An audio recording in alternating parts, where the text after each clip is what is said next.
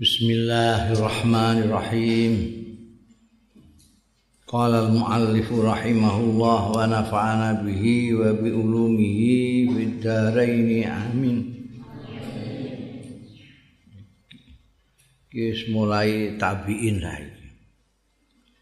Bismillahirrahmanirrahim wa sallallahu ala sayyidina Muhammadin wa alihi wa sahbihi ajmain.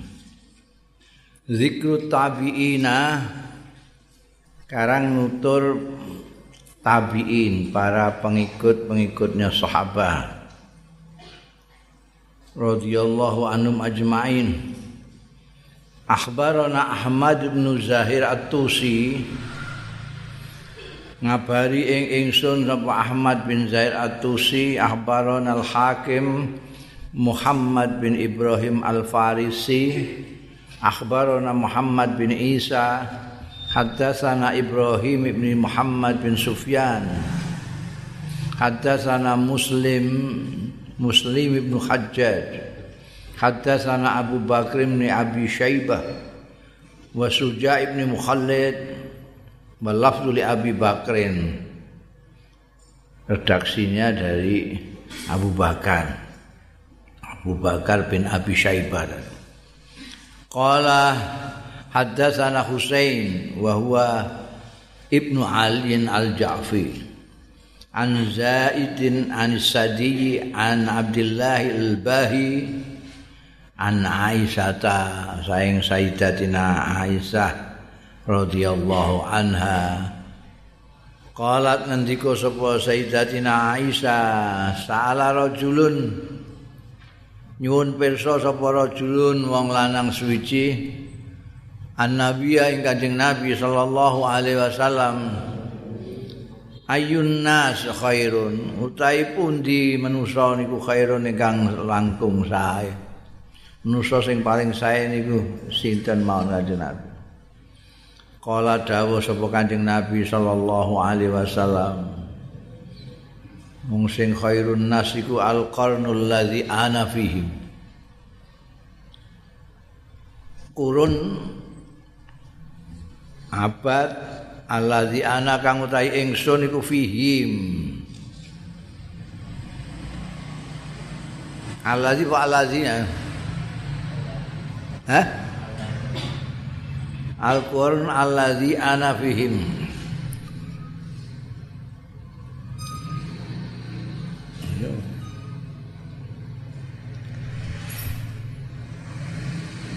kurun itu kan abad. 100 tahun itu satu abad itu satu kurun. Kurun meskipun isinya satu abad tapi rafatnya itu muzakkar mufrad. Al-qarnul lazi ana tapi isine wong sak munakeh iku ya orang yang hidup pada kurun itu. Mulane terus nganggo fihim. Jadi nek alazi mergo ndelok lafate nek nganggo him ndelok isine orang-orang karena yang sedang dibicarakan adalah manusianya. Pertanyaannya itu ayun nasi khairun. Jadi yang bagus adalah orang-orang yang hidup pada zaman saya ini. Al-qarnul ladzi ana fihim. Kang utawi ingsun iku fihim di tengah-tengah manusia yang ada di kurun tadi. Yaitu zamane sahabat-sahabat kanjeng Nabi sak sekabate itu satu kurun. Habis itu satu kurun habis maka kurun yang kedua ini kurunnya tabiin. Ndak menangi kanjeng Nabi tapi menangi sahabat kalau kurun yang pertama itu menangi kanjeng Nabi kabeh. Itu mereka yang hidup bersama Rasulullah Sallallahu Alaihi Wasallam itulah yang paling baik. Sumasani mongko yang kedua yaitu kurunnya tabiin. Sumasali itu mongko yang ketiga kurun yang ketiga kurunnya tabiut tabiin.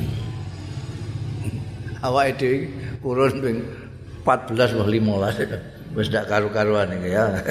Wis urip wis untung. Iya.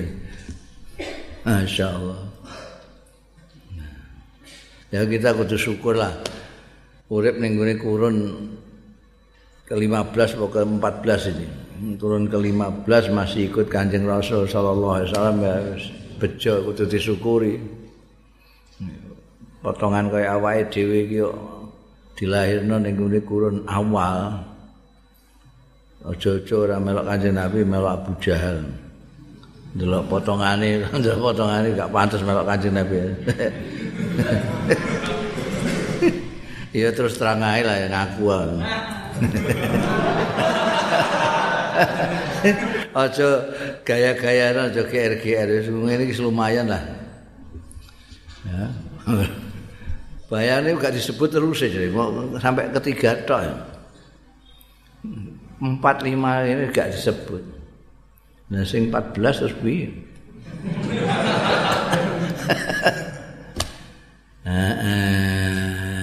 Babul Alif sekarang ini koran yang kedua jadi makanya disebut salafus soleh orang-orang yang salafus soleh itu ya koran awal koran sani mengkek-mengkek koran ketiga sing guri wis kholaf ora salaf meneh. Bab alif zikru Uwais bin Ali Al-Qarani rahimahullah. Al-Qarani. Wong Indonesia iki sering antarane sing difathahno mbek sing disukunno iku debius. Jumbo kaya halqah ambek halaqah Yang bener halqah apa halaqah Jawabnya bener kabeh sitoke cara Arab sitoke cara Indonesia. Indonesia yang jikui bahasane wong sak enake dhewe. Diwaca ya sak karepe dhewe. Silaturahim didesok ning dadi bahasa Indonesia dadi silaturahmi. Sing bener di bener karo pisan. Jadi aja ayal-ayalan sing bener silaturahim ora silaturahmi nek silaturahmi iku maknane kandungan iku artine kurang piknik Mergo iku padha bener silaturahim bahasa Arab, silaturahmi bahasa Indonesia. Buka kamu sak kenen, buat kamu. Nek kamu se bangsa tajul halus, lisanul Arab, ya. silaturahim. Buka e KBBI, kamus besar bahasa Indonesia, ya silaturahmi. Iki zikru Uwais bin Ali Al-Qarani karena ada desa jenenge Koran di Yaman sana Koran. Ya ini orang desa Koran.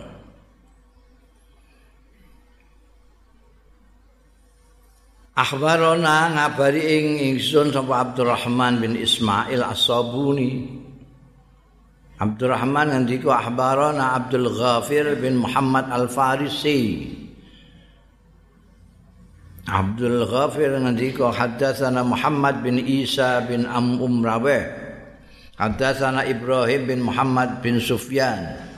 Hadatsana Muslim bin Ishaq bin Ibrahim Al-Hanzali.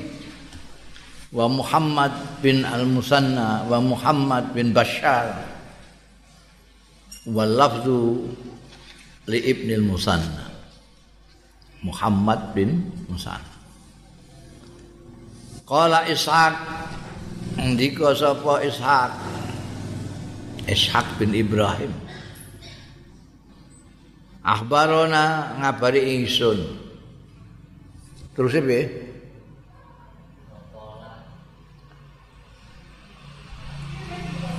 Akhbarona wa qala ngono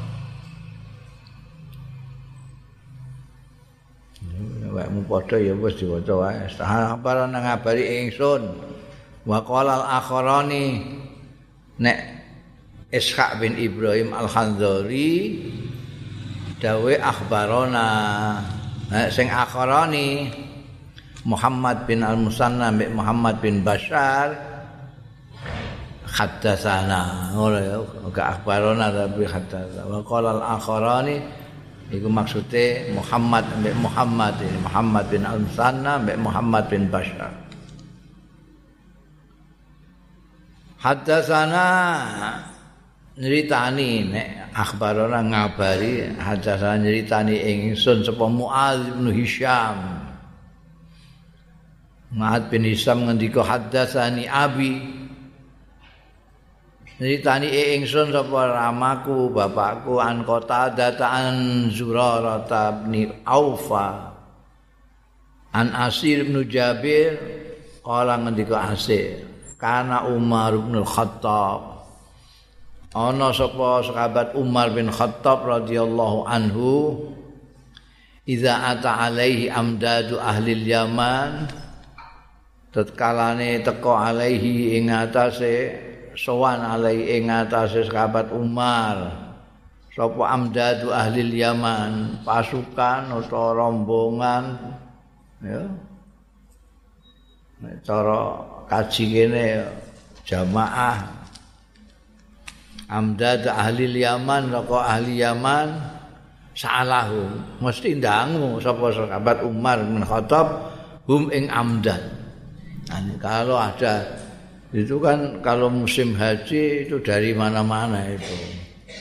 Ada rombongan amdad min Jawa. Biyen istilah Indonesia itu Jawa.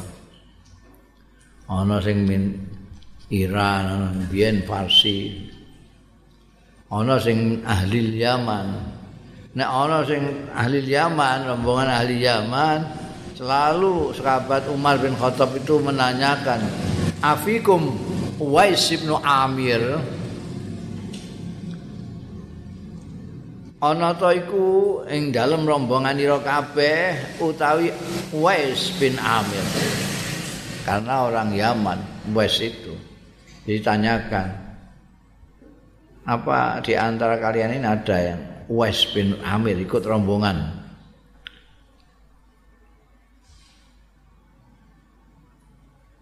Terusnya bidung Kowe gak nyimak iku. Hah?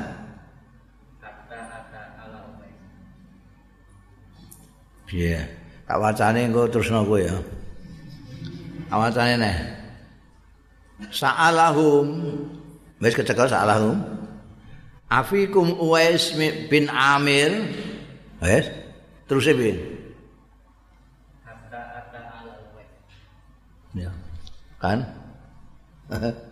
gak padha wek kowe kowemu padha pekak andani kok sing kitabku iki rada piye ngono. Kata lon-lon iki liyane iki gak ono iku kata-kata iku. Afikum uwais bin amir terus kata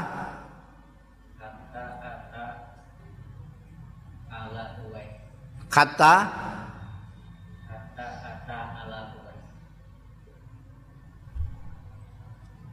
Ya ya rada aneh nah iki. Kok padha aneh ngono. Saya jak gere gere gere. Gere. Iki iki cetakan di wek iki. Anunan kabeh ndi? Kuwi fotokopinan dhewe sih.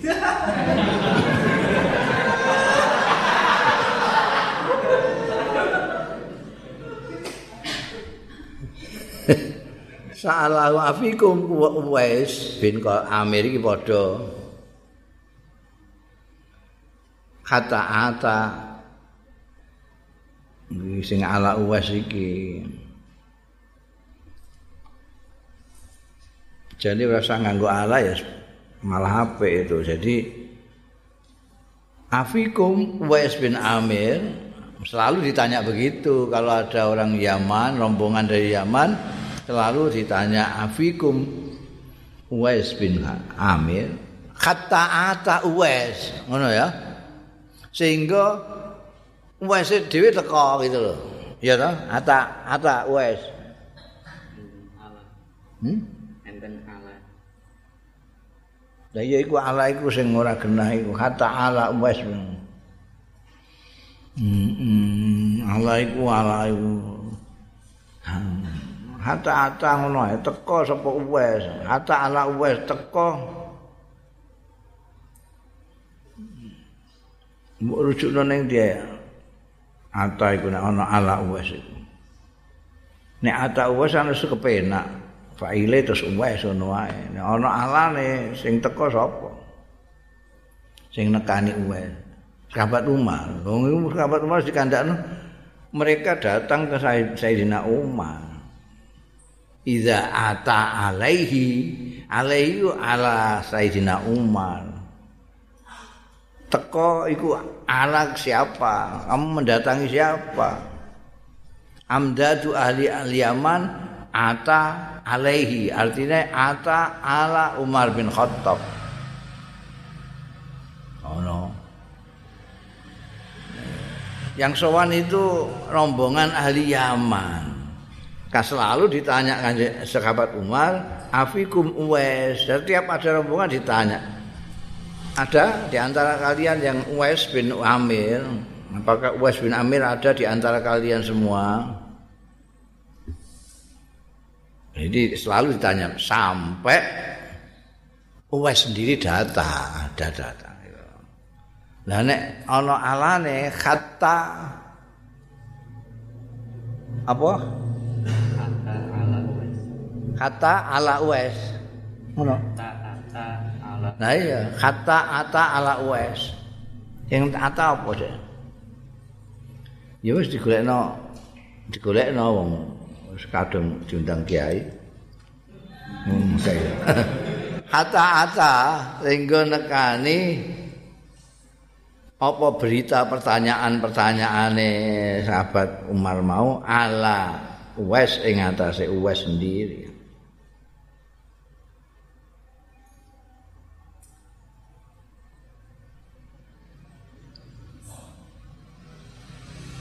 Terus piye terus e? Pakola. Piye? Anta wis bin Hmm, nah iki. Pakola mongko ngendika. Jadi is tetep enak orang nganggo alam mojane. Afikum Uwais bin Amir. Iku pertanyaane sahabat Umar setiap ada delegasi Yaman yang datang. Kata-kata Wes sampai Wes sendiri datang juga dalam rombongan ahlul Yaman. Fakola ngono ya. Mang fakola terus fakola gak ono kabeh ning iku. Gawe dhewe. Fakola mongko ngendika sahabat Umar. Anta Wes ngono ya. Hmm, ngono. Iki kene gak ono juga wis gawe tulis dhewe kowe.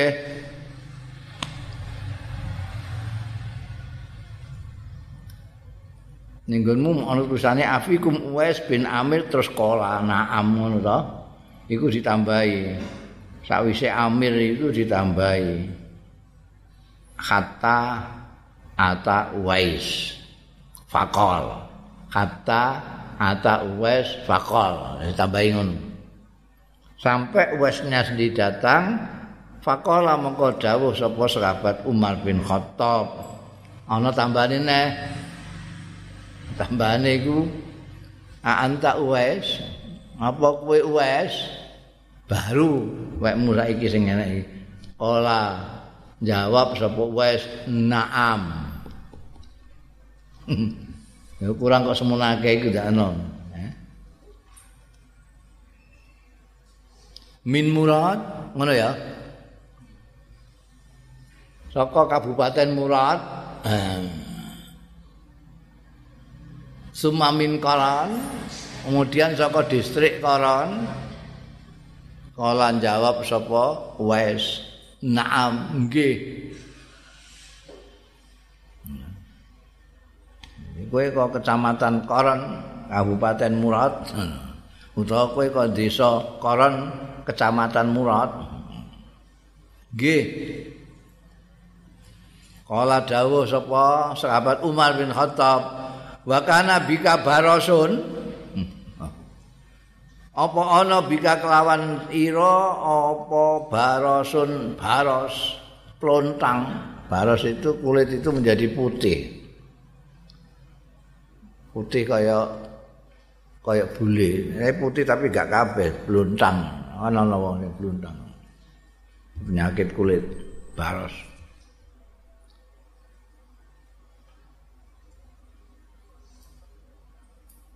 Pabarak ta minhu mongko mari sira minhu saking baros. Illa mau diadirhamin kejaba sak panggonan dhuwit dirham. Pertanyaan ini ndedese kok lucu ngono. Kowe saka daerah Koron, saka Murad. Nggih. Kowe duwe plontang. Asale kowe lara baros terus mari karek sak duit dirham bunter mergo ndonga ana ndonga supaya ilang dilangno kabeh dijeno sak bundere duit dirham duit dirham itu duit perak. Nek dinar duit emas. Bunder koin. Kala jawab sapa wis naam nggih wonten iki. Kala ndanguneh sapa sahabat Umar bin Khattab laka walidatun? Iku kedue sira walidatun utawi ibu. Kala naam bukan hanya ibu berarti ibu adalah segalanya bagi Uwais bin Qarn Uwais bin Qarn itu sampai ibu sampai konon beliau itu sebetulnya menangi kanjeng Nabi, tapi tidak pernah ke kanjeng Nabi karena ibu. Karena nunggu mbok itu saking setianya menunggu ibune sampai nggak sempat riwa-riwa ke negeri kanjeng. Pernah sekali aja datang ke Madinah itu. Eh, tapi gak gak nyahabat nyekabat kayak liar-liar itu karena ibunya. ditanya kowe duwe ibu ora matur sapa wes naam nggih baru kala andika sapa Umar bin Khattab sami itu mireng sapa ingsun Rasulullah ing Kanjeng Rasul sallallahu alaihi wasallam yaqul. Ingkang dawuh ya Kanjeng Rasul sallallahu alaihi wasallam ya'ti alaikum. Bakal teko alaikum ing atase sira kabeh sapa Uwais bin Amirin seorang yang bernama Uwais bin Amir ma'a amdadi ahli Yaman sartane rombongan dari ahli Yaman. Min muradin summa min qaran. Saka daerah Murad banjur saka Qaran. Kana bihi ana bihi kelawan Wais bin Amir. Kana ana iku bihi kelawan Wais bin Amir apa barosun Plontang bar penyakit baros pabaro amangka mari. Bapak Wais minhu saking baros illa mau diadirhamin kejaba sak dlemoke dhuwit dirham. Lahu walidatun iku kedue Wais bin Amir walidatun utawi mbok ibu. Wa utawi Am Awas bin Amir biha kelawan walidah iku balun ngabekti tenan ngabekti tenan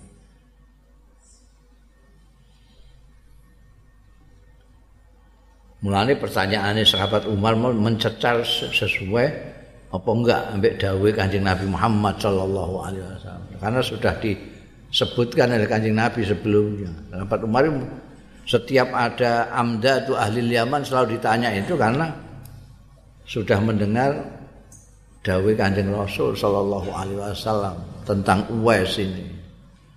Setiap datang tanya Uwais ada enggak? Uwais, Uwais. Jadi ketemu terus ditanyai seperti itu. Pas ternyata pas karo dawuh Kanjeng Nabi. Ya punya ibu yang di ngabek ini ya dari murad, ya dari karan. Dan ini yang penting. Lau aksa ma'alallah la abarrahu. Kok ngantek sumpah.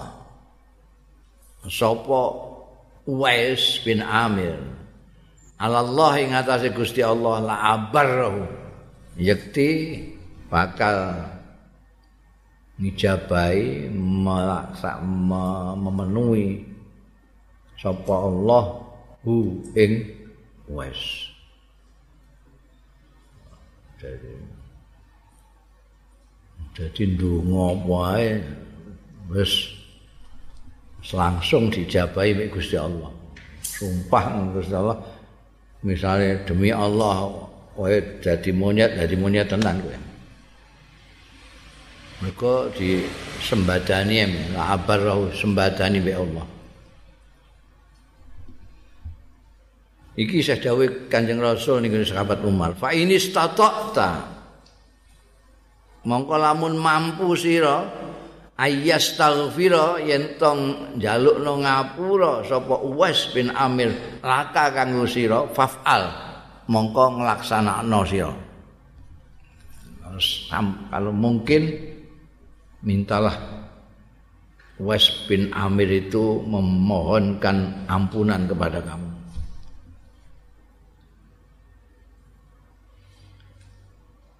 Selesai dawuh Kanjeng Nabi sing diceritakno Sayyidina Umar. Aku takok ngene iki karo awakmu iku mergo aku krungu dhewe Kanjeng Rasul sallallahu alaihi wasallam ngendika ngene-ngene ngene. Nek saiki fastaghfirli. Oh iku saiki dawuh ning ngene wes. Fastaghfirli mongko njalukno ngapura sira li kanggo ingsun. Mergo aku didhawuhi Kanjeng Nabi ini statok ta ayastaghfirallaka faf'al. Saiki af'al. Aku laksanakan aku njaluk kowe njaluk ngapura niku ning ingsun. Pastaghfara mongko njaluk nang ngapura sapa wes lahu marang Sayyidina Umar. Bayanglah Sayyidina Umar itu eh terkenale kaya ngono ya njaluk donga njaluk ngap apa dijaluk nang njaluk nang ngapura embek wes bin amir. Eh? Faqala Umar mongko dawuh sapa sahabat Umar aina turid? Ing endi turidu? Ngarepake sira? Kowe arep ning ndi Kala jawab sapa Wais bin Qarni Al-Kufata. Kula jeng teng Kufah. Kufah iku ning Irak. Kala ngendika sapa sahabat Umar, kepala negara, kepala negara, sahabat Umar nalika iku kepala negara.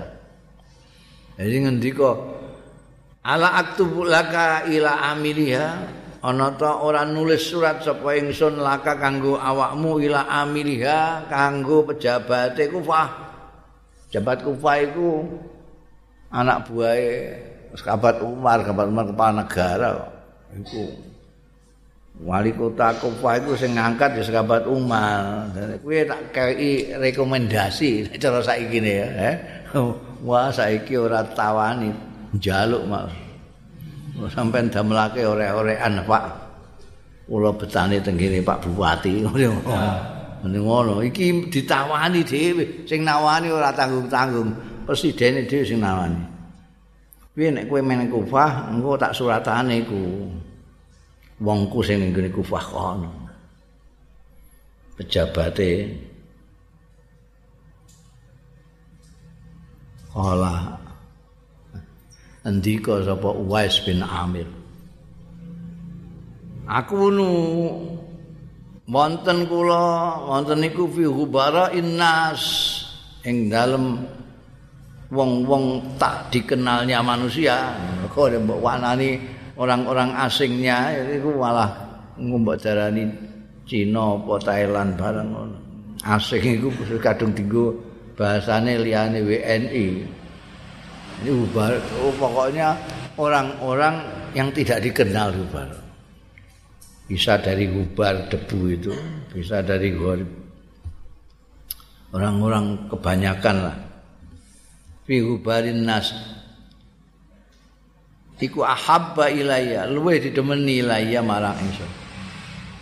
Jadi senengane wes itu justru tidak dikenali orang bersama-sama dengan orang-orang yang tidak dikenal itu. Mubarak kaya debu. Kala malam makana kala iki mau sapa sing ngendika mau? Pertama mau. Asir bin Jabir ya. Malam makana sing rawi mau dhuwur dhewe kala ndika sapa Asir bin Jabir sing cerita tentang Sayyidina Umar bin Uwais. Falam makana bareng ana minal amil mukbil.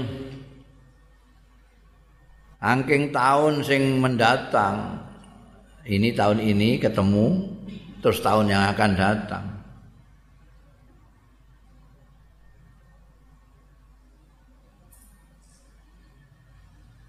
Hajjar rajulun lunga kaji sapa rajulun wong lanang min asrafihim saking tokoh-tokohnya Ahlul Yaman. Fawa fako Umar. Mongko metuki sapa Umar fasaalahu mongko ndangu sapa sahabat Umar hu ing rajul an Uwaisin saking Uwais.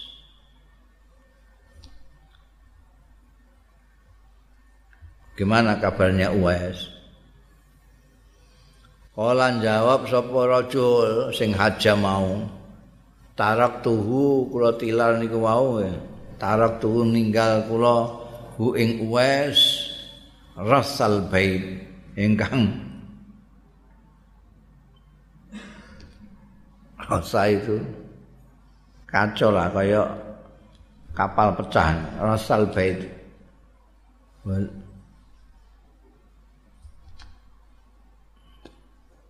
enggak genah omahe mboten genah. Rasal welek apa ben wis gak gak pokro lah. Kula tinggal wau sampai mangke teng griyane sing mboten pokro blas ora umum omah rasa itu buruk sekali. Qalilal mata. Tur boten apa-apa ya Masya Allah. Kursi mawon wonten setunggal sikile coklat siji. Qalilal mata. Sithik.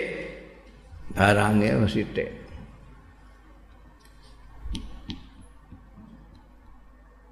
padahal nek omahe wong segala macam iku meja kursi lemari kulkas eh televisi isih ana pot kembang barang ada mut-mutan mon bilang omah kuwa pikira karuan. Iki gak kali lal mata gak ana apa-apane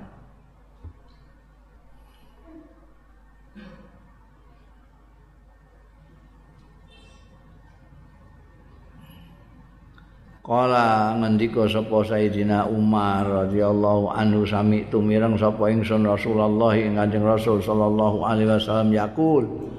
Ingkang dawuh ya Kanjeng Rasul sallallahu alaihi wasallam ya'ti alaikum. Teko ing atas sira kabeh sapa Uwais bin Amirin ma'am dadi ahli Yaman.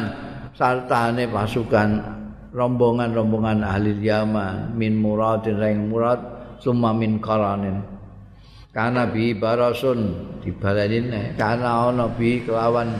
Wais bin Amir barasun utawi baros pabaro among kemari ya Wais minhu saking baros illa mau diadirhamin kejaba panggonan sak duit dirham. Lahu kedue Wais walidatun utawi mbok ibu wa kang utawi Wais biya kelawan walidah iku barun ngabekti banget lawa aksama lamun sumpah sapa wais binah Allah ing atas Gusti Allah la abarrahu. Yakti bakal ngijabai melaksanakan melestariake sapa Allah ing kosame.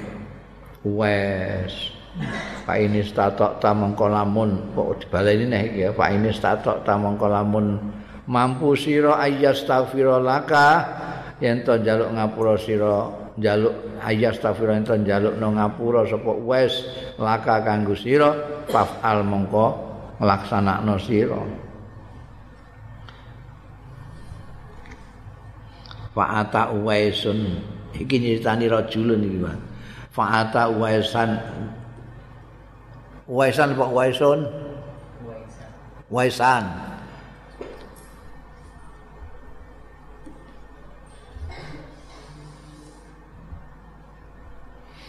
Fa'ata mongko nekani sapa rajul mergo untuk kabar saka sahabat Umar bin Khattab iki wong ini kan anggane ra ngerti nek Uwais itu mempunyai keistimewaan seperti itu sampai disinggung-singgung oleh Rasulullah sallallahu alaihi wasallam. Terus dia fa'ata mengko sowan dikne Uwaisan ing Uwais. Emun. Faqala lan atur sapa rajul mau istaghfirli niru sahabat Umar njalukno ngapura. Kula sampean njalukno ngapura. Istaghfir muno ngapura panjenengan li kangge kula. Kala ngendika sapa Wais bin Amir, "Anta utawi sira iku ahdatsu ahdan." Wong sing luwih anyar apane ahdan mangsane bisa farin salihin kelawan perjalanan yang bagus. Fastaghfirli mongko njalukno ngapura sira li kanggo ingsun. Wis malah ngono. Lho kowe iki bar kaji jare masyaallah perjalanan saleh itu haji itu. Wong perjalanan biasa e musafir iku dongane mandi apa meneh iki kowe kok kaji. Kowe sing njaluk nang ngapura aku. Faqala Maka mendika sapa Uwais. Lagi tau Umar, kowe mesti ketemu Umar, iya toh? Ngono. Kala na'am. Nggih. Nggih kula kepanggih Umar dicitani saya ngerti ya ujug-ujug kok njaluk ngapura ya ana ya ini meneng ae ora grupis teko. Mertamu ya ora tahu ketemu ya meneng ae. Iki ujug-ujug teko kaji kok terus njaluk donga kon njaluk nang ngapura Gusti Allah. Bar ketemu sahabat Umar nggih kalana tapi ya fastaghfar lahu. Engko njaluk nang ngapura sapa wes lahu marang rajul mau sing haja mau. Apa tina lahun nas mongko terus ngerti wapatina lahu marang uwes sapa anas wong-wong.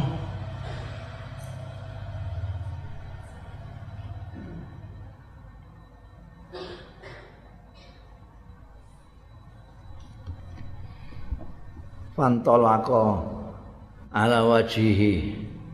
Qala asiru ka kaswatuhu wa kasautuhu burdatan antala kemuka budalan sapa uwes ala wajihi ngatasé hadapane uwes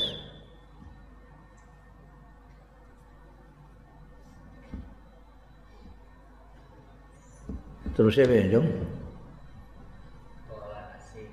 Hmm? asir. Ngono ae. Ora ana kane iya kala asir ngono. Iya. Eh, asir itu kan. Bingung itu nang kitab iki. Oh, mantap lho wong. Tak jual terus ndas. Oh, woi ta apa nggodho wong ngene. iki maksude iku kala asir iku. Asir bin Jabir sing pertama kali kan dhuwur sing critakno dari awal tadi itu kan asir bin Jabir sumber cerita iki mau lah kok dikek ika kan maknane tawananmu tawananmu terus bingungi to kala asiruka Rafi sing maca mesti gak mudeng dek senajan wis mondok pirang tahun kowe Kala ujug-ujug kok kala asiruka. Kala asir ngono ya. Iku maksudnya Asir bin Jabir. Kayak misal bin Jabir itu sing rawi dhuwur mau lho. Kan Zurarah bin Aufa an Asir bin Jabir qala kana Umar bin Khattab kan itu pertama kali mau. Nah saiki iki setelah dia cerita sampai Uwais bin Korni konangan wong, eh, Fatina lahun nas. Terus lunga. Jadi modelnya Uwais Korni itu kalau konangan wong lunga. Jadi dia selalu sembunyi, tidak mau kita uang. Ya senengannya hubarok mau. Kayak debu bersama-sama orang lain itu kayak debu. Berbaur dengan orang, tidak mau menonjol, ringgih ngarep dewi. Ya. Gak membaur. Kalau konangan malah lungo. Ya ini lungo. Asir ndika wakasautuhu ya nah iki iki dawuh Asir bin Jabir lan aku makai tak wae pakaian makai sapa ingsun ing wes burdatan ing burdah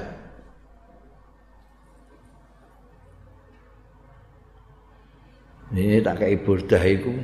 Fakana mongko ana kulama ra'ahu insanun semong-semongso ningali ing Uwais sapa insanun wong?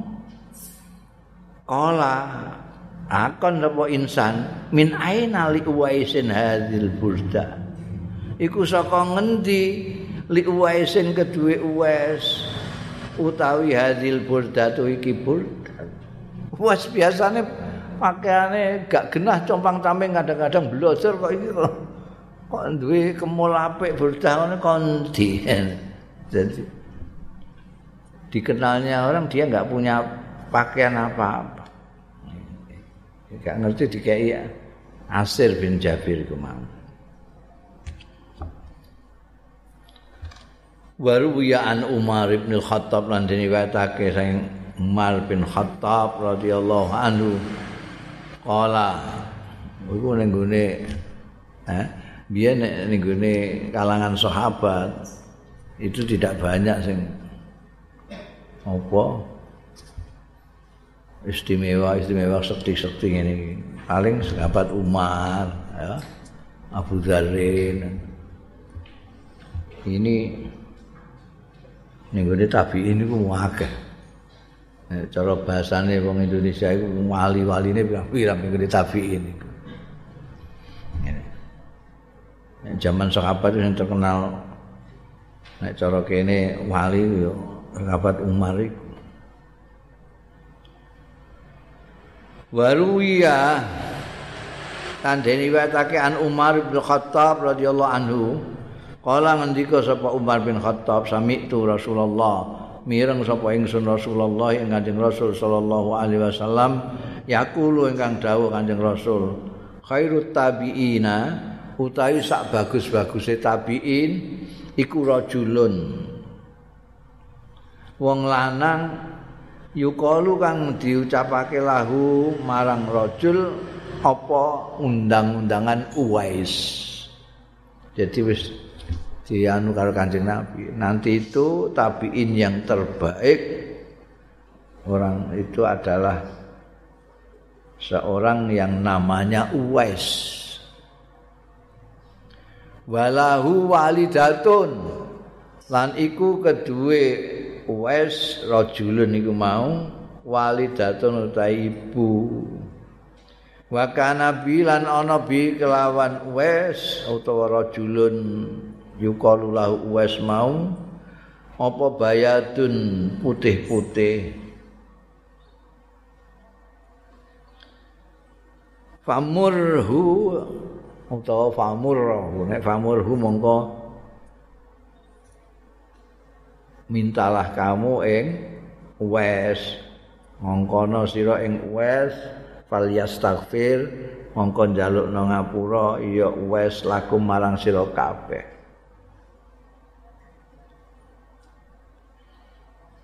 ya kon famurhu ya famurhu ngono Nah, itu sing bener. Mergo ning kene ana laku. Nek kamurhu iku engko khitope mok Sayyidina Umar tok. Ini kanjeng Nabi ngendikane ning ngene kalangan ning orang mau sekabat Umar, sekabat Umar yang menceritakan itu, yang mendengarkan dawuh itu lalu menceritakan kepada kita. Tapi yang dengarkan orang banyak. Mulane pamurruhu. Nganggo wawu. Antara rok ambek hak itu dikai wawu nek wekmu gak ana wawune. Mergo nek pamurruhu iku mok siji. Ora cocok karo falyastaghfir lakum. Nek mok siji ya laka. Ngono ya. Iku paedahe ngaji nahwu.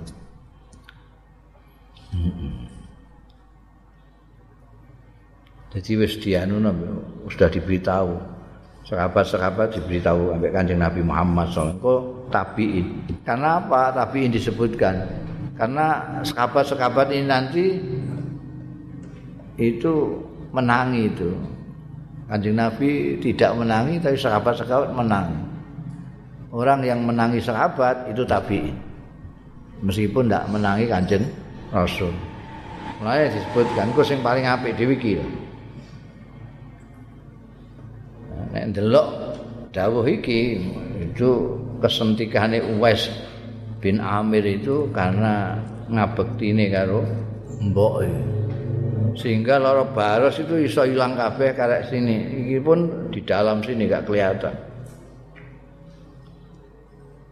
asalnya gemblek lontang putih-putih dungane mandi mergo ngabektine karo wong tuwa. Ketemu njaluk nang ngapura di ngapura karo Gusti Allah. Min auliya illah Waruya lan den riwayatake anid Dhahhak bin Mangzahim an Abi Hurairah ta saking sahabat Abi Hurairah radhiyallahu anhu. Kala ngendika Abu Hurairah, apa nama Rasulullah nalikane utahe Kanjeng Rasul sallallahu alaihi wasallam fil halqatin min ashabi ana ing kupengane saking sekabat-sekabat itu sudah kebiasaan Kanjeng Nabi dikepung sampai sekabat-sekabat. Nabi pinarak ngene iki terus dikepung mubeng. Iku asal usule ana istilah ning Indonesia halaqah-halaqah itu dari halqahnya anjing Nabi orang-orang setelah itu kalau mulang itu dikelilingi. Kalau nek ning Masjidil Haram atau Masjid Madinah akan melihat itu halqah-halqah. Ada kiai yang di tengah terus dikupengi orang-orang yang mendengarkan hmm, pengajiannya. Kanjeng Nabi sedang dikupeng itu. Iki ceritanya Abu Hurairah. Bapak nama Rasulullah fi khalqatin min ashabi id qala dumadaan dawuh sapa Kanjeng Rasul sallallahu alaihi wasallam la yusalliyanna ma'akum ghadan rajulun min ahlil jannah. Yakti arep sembayang tenan ma'akum sartane sira kabeh godan sesuk sapa rajulun wong lanang min ahlil jannah. Saking ahli swarga kanjeng nabi ku sering ngendika ngono. Ngendika sing marakna wong sesuk saya akan angkat sebagai pimpinan pasukan seorang yang dicintai oleh Allah dan Rasulnya. Iku terus kabeh wong kepengin wah muga-muga aku, muga-muga aku. Iki ya mon ngendika ning gone masjid lah ngomong pasti seesuk iku arep ana wong ahli swarga sing melok sembayang karo sekalian melok jamaah ning sesuk iku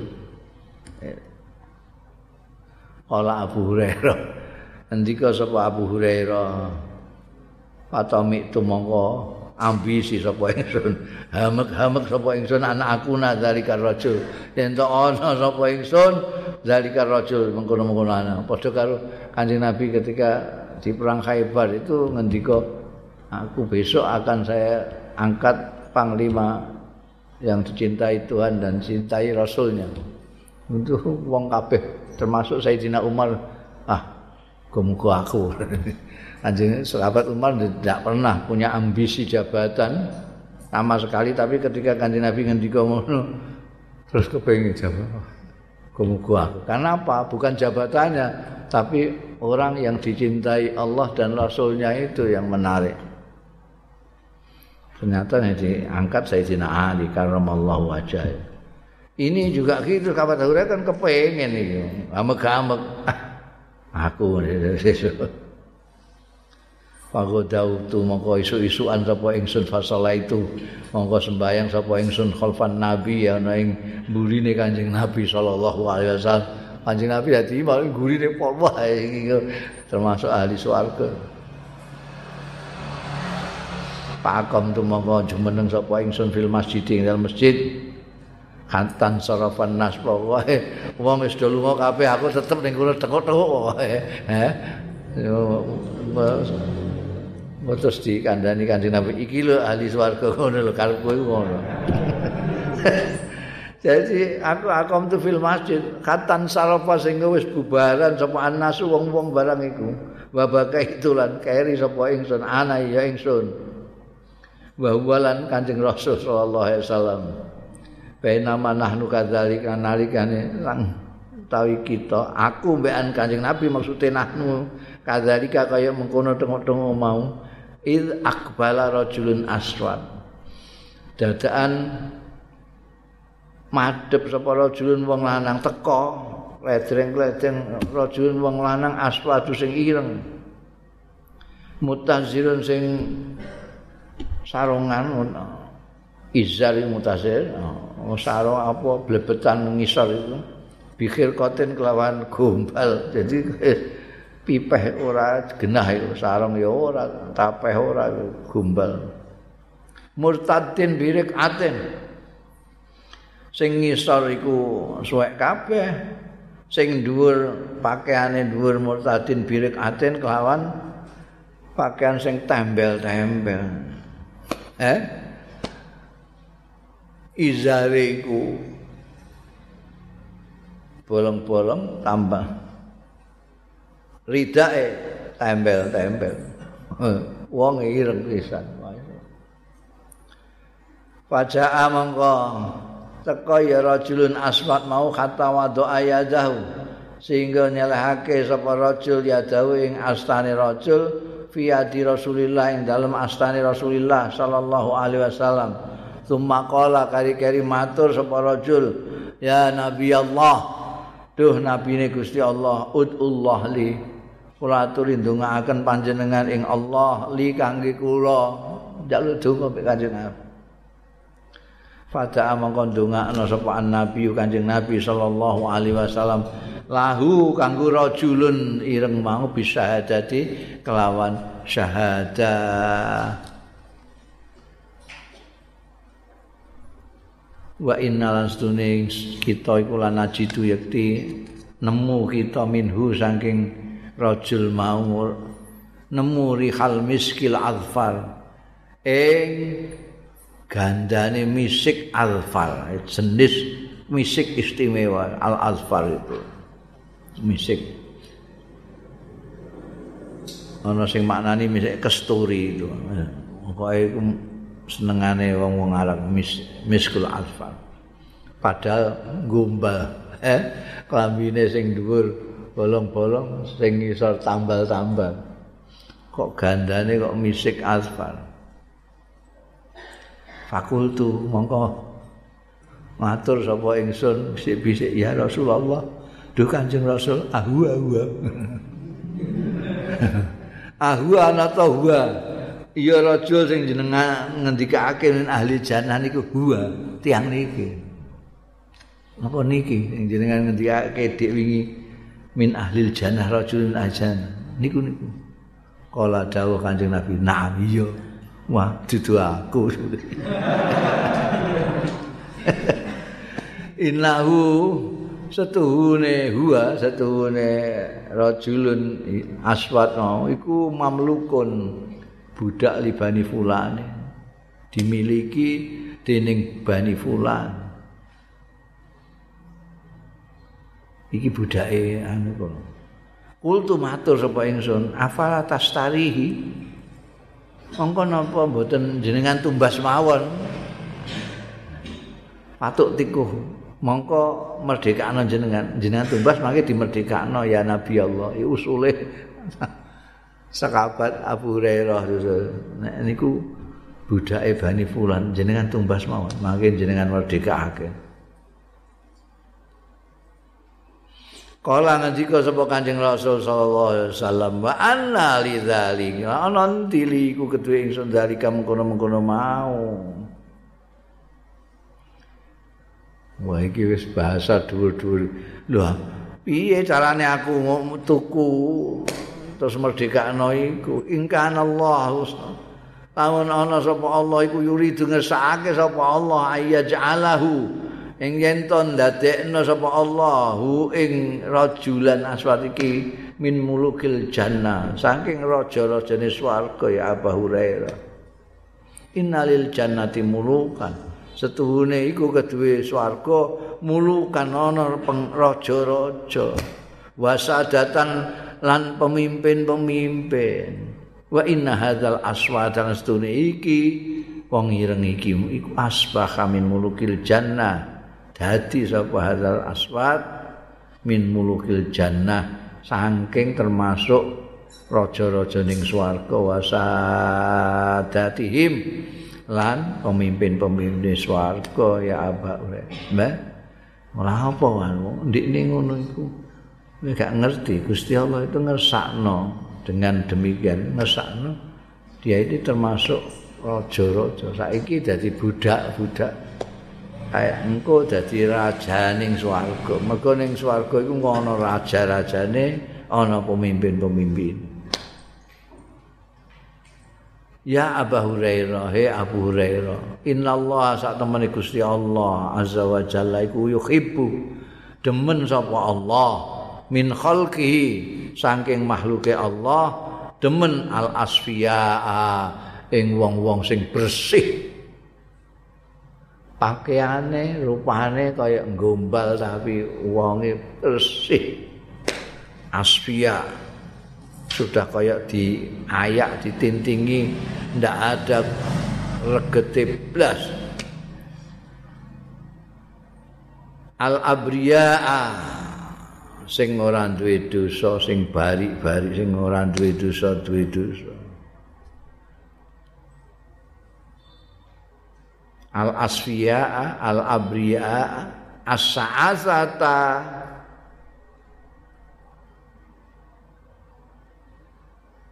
sing dawul-dawul. Sa'asa enggak jelas. Mbleduk kabeh. Apa wujuh ya Hah? Hmm, ada nih kok. Wes jadi aku madhek takon kowe, kemudian aku bingung. Ya, kowe kudu siap. Wes ini kowe kondo. Woi, mboten ngoten. Ngono. Eh. Ati ora usah aku takok barang kowe ngewangi kitab iki nyiksa aku ada. Yo, saat itu biasanya daul-daul. Daul-daul itu sirah rambut. Oh. Jadi as-sa'asata ru'usuhum ya ta? Hmm, kurang ru'usuhum. Oh ya, pokoknya dadi korektor saiki. Nah, korektor itu tukang koreksi ini. Bayarannya akeh nek ning koran-koran. Ini gratis. Hmm. Asa-asata ru'usuhum. Terus wujuhum. Lah iki uga wujuhum al-mughabbar. Eh? Walik-walik dadi asa-asa asa-asata ru'usuhum al-mughabbarat ta wujuhum. Oh. Walik itu walik. Sing dawul-dawul rambute sing bleduken kabeh raine ngono lho. Al khamisata butunuhum sing lempet apa butunuhum weteng-wetenge. Asfiya mingkas bil halal saking golek halal golek halal gak nemok-nemok wis ini haram tok pasar ya haram, toko-toko ya haram. Akhirnya rasah mangan poso jadi ngelempet. Wetenge lesu karena cari yang halal. Alladzina idza sta'zanu wong-wong sing tetkalane njaluk izin. Alal umara ing atase pejabat-pejabat penguasa lam yu'zan lahum mongko ora diizini lahum. Eh? ada orang-orang kayak gembel ngono kuwi tapi bersih hatinya ketoke kumel nek kok mamane kok njaluk audiensi karo pejabat kok jumane kok bupati camat ngene gak gelem nemoni. Sapa iku gombal mau kon minggat iku. Idza sta'zanu alal umara lam yu'zan. Ora diizini. Badhe anu mawon ora usah matur-matur apa. Wa in khatabu lamun nglamar al mutanaimat wong-wong sing oh, sosialita lah. Apa mutanaimat orang yang kehidupannya senang mewah-mewah. Perempuan-perempuan yang mewah-mewah. Lam yung kahu. Mongko ora dinikahno iya mereka. Eh jadi kan delok ciri-cirine kaya kowe.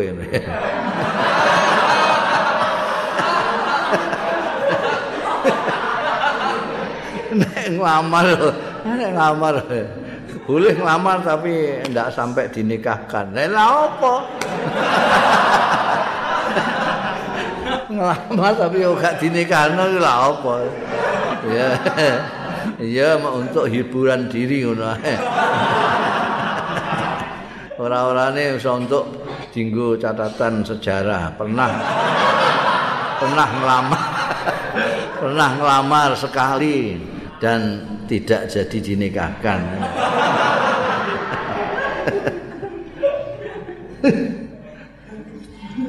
Wa in ghabu lamun ora ana. Ora ana iku artine absen, ndak ada di tempat. Lam yufqadu. Lam yufqadu ora lam yufqadu ora ana sing nganggep kelangan gitu. iku nek gak ana ora ana sing rumoso lho iki endi ya endi ya gak ana nek hadir wa in hadaru lam yudhau nek hadir ya ora diundang apa ditakok-takokno ora ana undangan ning ini gak ana wae wong diundang kabeh kecuali mereka ini. Mergo saking gombale. Wis saasa muhbarah Hamisah. Orang yang seperti ini itu yang disukai oleh Allah. Dawe Kanjeng Nabi. Yuhibbu min halqi asfiya sak terusé. Wa in talau lam yafrah bitul adim lam yufrah. Kok lamun muncul mereka ini alladzina iki rujuke alladzina idza sta'dzanu mau. Ida tolak auto kalane muncul ya ladina lam yufrah bitol atihim. Ora digembirahi apa bitol atihim kan kemunculane aladzina. Wong ana muncul seneng. Wah, Rafi teko. Wah, guya guyu. Ah, iku jenenge yufrahu bitol atihim. Iki gak muncul bareng biasa ngono Ora melengak ora apa wong-wong iki. wa in maridu lamun lara wong-wong alladzina iki lam yu'adu ora ditiliki. Ora sing niliki. Lara ora ana sing niliki. Wa in matu kan lamun mati alladzina lam yushadu. Ora disekseni. Gak ana sing teko ya Allah. Orang-orang seperti ini ini termasuk yang model sebegini ini adalah tokoh kita ini Uwais Al-Qarani atau Uwais bin Amir Al-Qarani yaitu minal apa Ubarok nggak ada pejabat yang tahu. Wong bendarane aja kaget ditakokno kak sahabat Umar ku kaget. Kok wong dapure ngono ditakokno mbekan Amirul Mukminin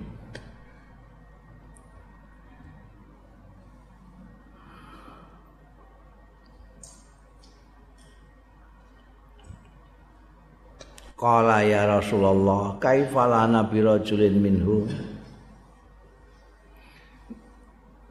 Matur sapa Abu Hurairah sakwise didhawuhi Kanjeng Nabi mau orang yang seperti itulah yang disukai Allah. Bersih tidak berdosa meskipun penampilannya itu eh, penampilannya itu tidak membuat orang tertarik sama sekali sampai mati pun tidak ada yang nyeksen Kala matur sapa Abu Hurairah ya Rasulullah duh Kanjeng Rasul kaifala nabi rajulin minhum? Kados sepundi lana duwe kita? Birajulin kepanggih kelawan tiang minhum saking alladzina idza sta'dzanu niku wau. Kala dawuh Kanjeng Rasul zaka uwaisul qarni Iku termasuk Uwais Al-Qarni. Uwais Al-Qarni itu kalau kamu ingin tahu rajulun minhum ya Uwais. Uwais artinya Uwais minhum. Uwais itu dari alladzina sta'dzanu. Uwais jajal kongkon jaluk izin ning pejabat, enggak diizini. Bahkan lamar orang ditompo. Kala matur sapa Abu Hurairah wa ma Uwais Al-Qarni? Niku sinten? Uwais Al-Qarni niku napa? Kala dawuh sapa Kanjeng Rasul sallallahu alaihi wasallam ashalu dzu suhubatin.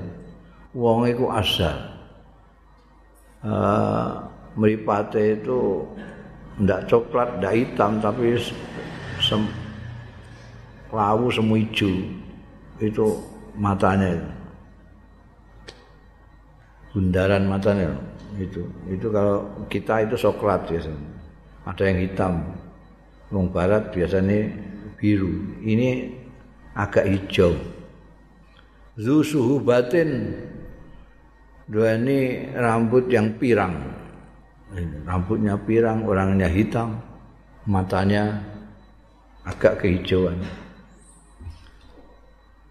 Ba'idu ma baina mang mangkibain Ba'idu ma iki biasane nggo nyandra wong iku ba'idu ma bainal mangkibain adoh barang antarane bau loro.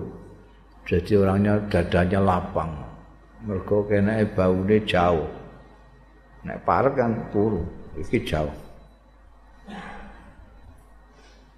Muqtadilul qamati sedengan dedek pawakane. tidak terlalu tinggi, tidak terlalu pendek.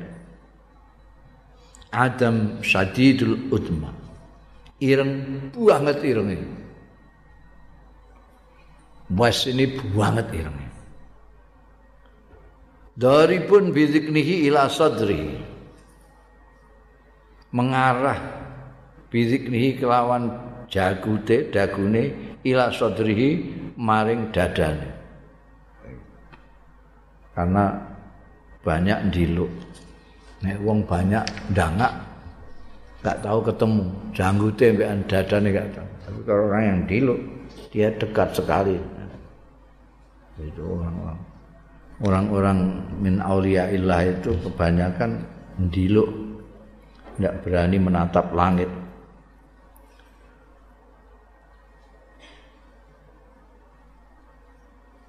Ramin bibasorihi. Melemparkan bibasori klan pandangane. Wes ila mau diisujudihi maring panggonan sujude. Wes. Ya. ora jelalatan mripat ora jelalatan rono rene gak. Fokus terhadap tempat sujud wadi'u yaminihi wadi'un yaminahu ala shimalihi. Meletakkan tangan kanannya wes ala shimalihi ing atase tangan kiwane wes. Yatlu maca ya wes Al-Qur'an ing Qur'an. Iki nyandra. Yapki nangis ya wes. Cuman ditakokno wes itu kayak apa sih Oh terus dicondro asal zusuhubah ba itu mamkabe suka meletakkan ini kalau baca Quran. Yapki ala nafsihi. Nangis ing atase awake dhewe nangisi awake dhewe.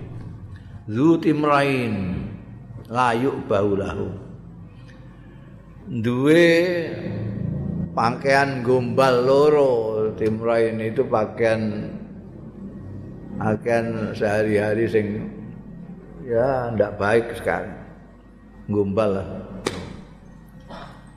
Loro iku artinya dhuwur siji ngisor siji. Iku mau sing kandakno dhuwure apa bolong-bolong ngisore tambal-tambal layu bahulahu ora diperdulikan apa lahu wes. Enggak ana sing merhatekno mutazirun bi izarin sufin nganggo pakaian ngisor bi izarin kawan izar terbuat dari ulu kulit. Ya. aja kok bayangno wal. Nah, kalau wal gabarden eh? Gabarden wal itu wah larang wis diproses wulune. Iki gak ya isih ngono kae kaya wedhus ngene wulune kayak sing dienggo linggian kene itu. Itu sing dienggo ngisor. Wa murtadin bi izarin suf juga. Dhuwure juga seperti itu. Majhulun tidak dikenal fi ahli ardi yang dalam ahli bumi. Enggak ada yang kenal ciri-ciri ini uwes iku. Wali mastul gak sing kenal. Nek Rafi angger wong terkenal. Oh ini gak ini meceng ning Instagram.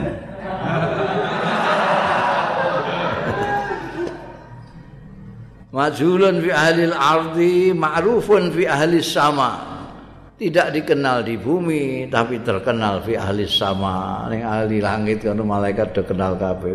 Oh ini orang yang dibanggakan lau aksama Allah la abarra qasamahu. Lamun sumpah sapa wes Allah ngatasé Gusti Allah la abarra yakti ngestarekno sapa Allah qasamahu ing sumpahe wes.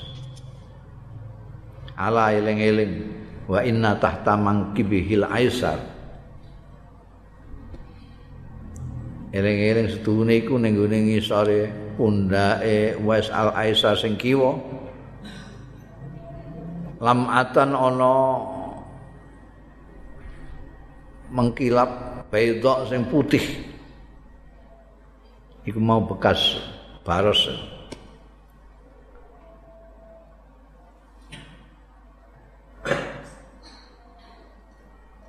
ala eling-eling eling-eling wa annahu lan setuhune Wes bin Qarni. Idza kana yaumul kiamah tatkalane tinemu apa yaumul kiamah di dina kiamat? Kila. Dengan dikaake lil ibadi marang kawula kawula udkhulu al jannata wong-wong dia eh do mlebu ning swarga kabeh. Engko iku nek ning gone dina kiamat wa yuqalu lan den ngendikake li uwais marang uwais ora udkhul al jannah enggak. Ning gone wong-wong kawula-kawula liyane udkhul. Damel bu al jannata ing swarga. Tapi untuk wes ndak didhawuhi li wes kif. Berhenti. Tengok-tengok sira. Fasfa. Mongko nyafaatono sira fasfa'ullahu fi misli adati eh mongko nyafaati paring memberikan izin syafaat ing uwes sapa Allah Gusti Allah fi misli adadi rabi'ata wa mudar. Ing dalam sepadane wilangane kabilah rabi'ah lan mudar. Wah iku berapa? Ratus ribu itu. Ya Umar wa ya Ali Kanjeng Nabi wis pirsa. Kira-kira sing meh ketemu iku Umar wean Sayyidina Ali. Mulane sing didhawuhi sahabat Umar, ya Umar we Umar wa ya Ali we Ali idza antuma tekalane sira loro itu mahu. Ketemu sira loro ing Uwais fatluba mongko njaluk sira loro ilaihi marang Uwais yastaghfir yastaghfiru supaya njaluk nang ngapura. Ya wes lakuma kanggo sira loro. Yufar lakuma mongko di ngapura apa lakuma sira loro. Kok nek kowe cak wong loro iki ketemu ya mbek ngantek ketemu karo wes njaluk ngapura kon njaluk kon njaluk nang ngapura kowe di ngapura karo Gusti Allah Kala ngendika sapa? Abu Hurairah ya mau sing riwayatno pertama mang pamakasa moko kendel sapa sahabat Umar mbek sahabat Ali yatrubanihi asra sini. Mencari goleki wes karni iki yatrubani goleki sapa Sayyidina Umar mbek Sayyidina Ali. Ing wes asra sinina 10 tahun deh layak dironi alaihi ora mampu ya saya sahabat Umar lan sahabat Ali alaihi ing atase nemokno wes 10 tahun dua sahabat besar ini mencari Uwais Al-Qarni karena dawuh Kanjeng Nabi Muhammad. Ora kasil. Alam makana bareng ono fi akhir sanating dalam akhire tahun alati halaka fiha Umar. Kang kampundut fiha ing dalam tahun lati tahun sapa Umaru? Pada tahun di mana Umar kapundut itu? Koma. Ala Abi Kubais meneng sapa Umar ala Abi Kubais ana ing gunung Abi Kubais Abi Kubais itu biyen gunung ya Jabal Abi Kubais biyen wong Jawa iku nek lunga kaji titipe karo karo wong-wong sing budal engko aku undang ya ning gone Jabal Abi Kubais terus ning kono aku munggah eh Kang eh eh tahun ngarep ben iso nunga kasih karepe ngono. Iku ono. Saiki wapras kabeh wis gak ono jabal-jabal kiwa tengene Masjidil Haram saiki di wapras kabeh. Gak ono ya. Kayak bukit-bukit. Fanada bi a'la sautihi. Mongko menyeru sapa Sayyidina Umar bi a'la sautihi kelawan sak banter-bantere suarane sekabat Umar. Ya ahlal hajij. Afikum Uwais bin Murad. Eh ahli haji. Orang-orang sing haji. Afikum ana iku ing dalem sira kabeh Uwais utawi wong jenenge Uwais min Murad. Saka Murad Yaman. Faqama mongko jumeneng sapa Saikhun Kabir, wong tuwa sing tuwa banget. Saikhun iku wis wong tuwa, Kabirun tuwek, jadi wong tuwa banget. Saikhun Kabirun tawilun. Nek ning kene Syekh ya kiai ya. Heeh. Syekh wong tuwa. Kabirun iku manula lah tuwa dhewe banget.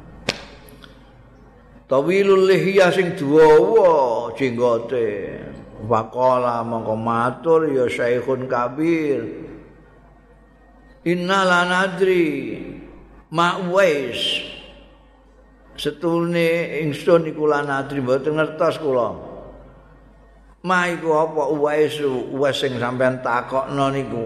Afikum uwaisun min murad ngertos?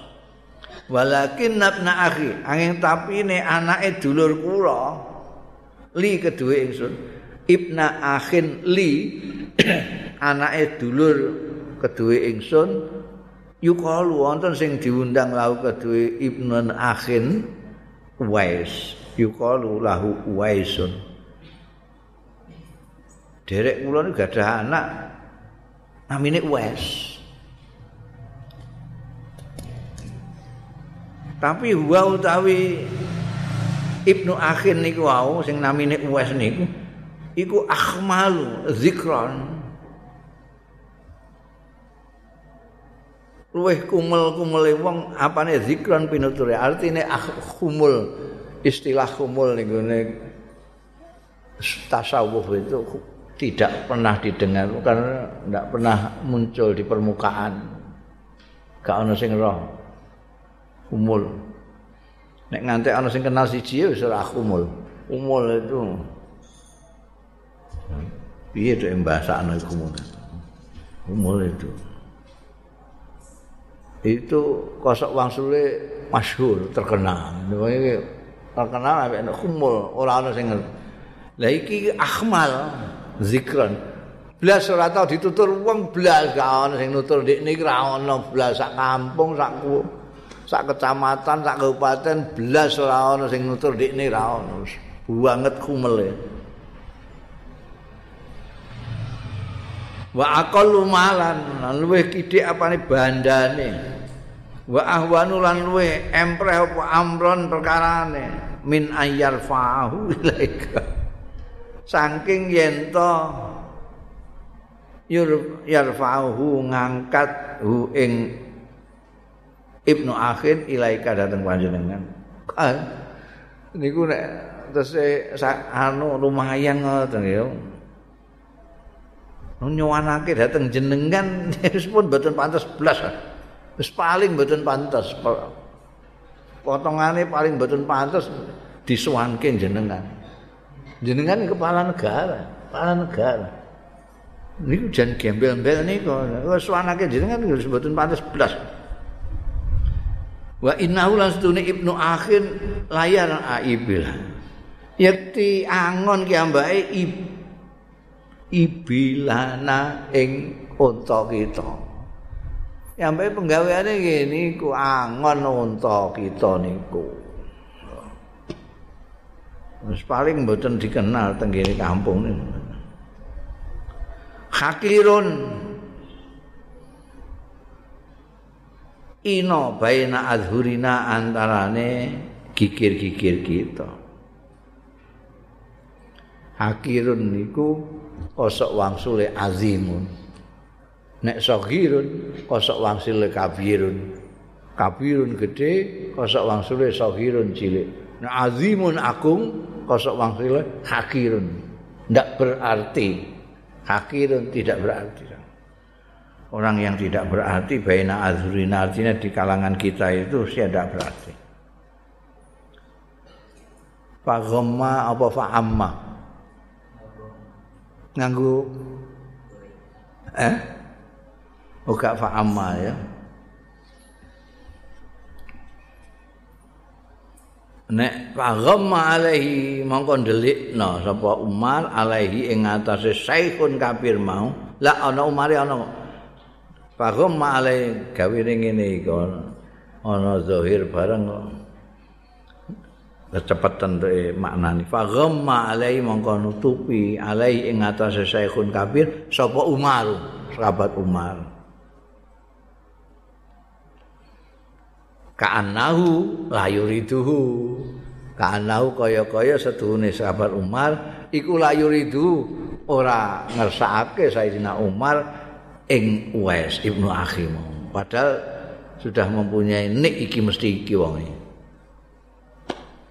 tapi nutupi sahabat Umar pura-puranya tidak mengerti. Terus dawuh kola dawuh sapa sahabat Umar aina akhika hadza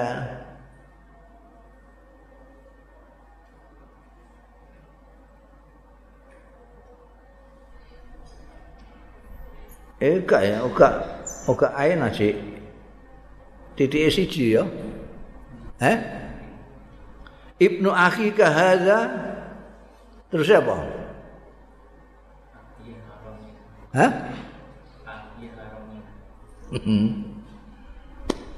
Ya, iku aja kei jarak iku ya. Ya Allah kita pikir.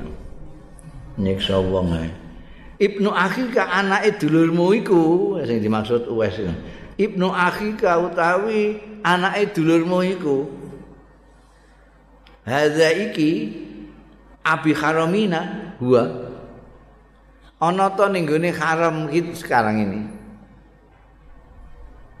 haram kita huwa ya huwa ya ibnu akhika. Artinya melok ning kene lah melok kaji iki. Eh, tanah haram iku ning apa dekne ning ngene tanah haram kita ini sekarang? Anake dulurmu kuwi.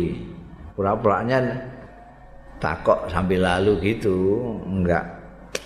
Enggak mengesankan sahabat Umar memang mencarinya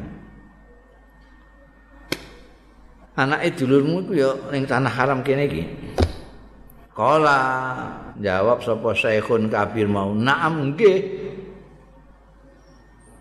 Kala ngendika sapa Umar fa aina yusab mongko ana ing ngendi yusab bisa dipethuki iya ibnu akhika.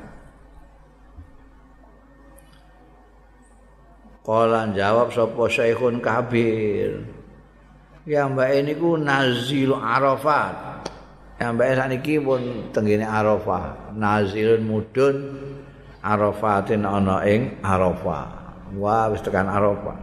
Jadi nek kaji ku kowe nek kaji iku pertama kali tawaf ngubengi Ka'bah terus sa'i wirawiri marwah sofa marwah sofa marwah ping terus berangkat ning ngene Arafah wukuf. Iki ning kono nek dawuhe Syekh Kabir iki mau ya. Pamane iku muni nazil Arafat. Kala ngendika sapa Abu Hurairah, ini yang cerita tadi kan? Abu Hurairah. Para kiba Umar. Mongko numpak kendaraan sapa Umaru wa Aliun lan Sayyidina Ali. Wa kharaja lan miyos keduanya Umar dan Ali ma'ahu sartane Syekhun Kabir mau siroan cepet-cepetan ila Arafatin maring Arafah. Nututi Ibnu Akhine Mbah mau. Fa idzan huwa mongko dumadaan huwa utai Ibnu Akh utawa Uwais ngono wae ya ben gampang. Fa idzan huwa mongko dumadaan huwa utai Uwais ponakane Mbah Tuwa mau? Iku qaimun lagi jumeneng yusolli salat. Ya wis ila sajaratin. Marang wit-witan menghadap ke wit-witan. Wal ibilu kale utawi unta iku kaulahu ana ing kiwa tengene sekitare wes tar'a ngramban. Pak Akbala mongko madhep sapa sahabat Umar lan Sayyidina Ali ilaihi marang Uwais. Faqala mongko dawuh sapa Umar lan Ali assalamu alayka wa rahmatullah. Disalami fakhaffa mongko ngentengno sapa Uwais. Sun Uwais as-salata ing sembayange sembayange dicepetno. Sembayang sunat ana sing salam cucuk ana sing salam cepet-cepetan dirampungi. Summa qala monggo keri-keri.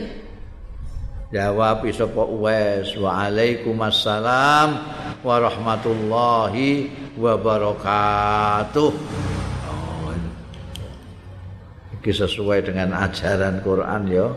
Nek di sing salam assalamualaikum ngono ae jawabane waalaikumsalam warahmatullahi. Nek sing salam assalamualaikum warahmatullahi Jawabannya Assalamualaikum warahmatullahi wabarakatuh. Fahayyu bi ahsani minha. Hmm. Qala andika sapa Sayyidina Umar mbek Sayyidina Ali. Mani rajul.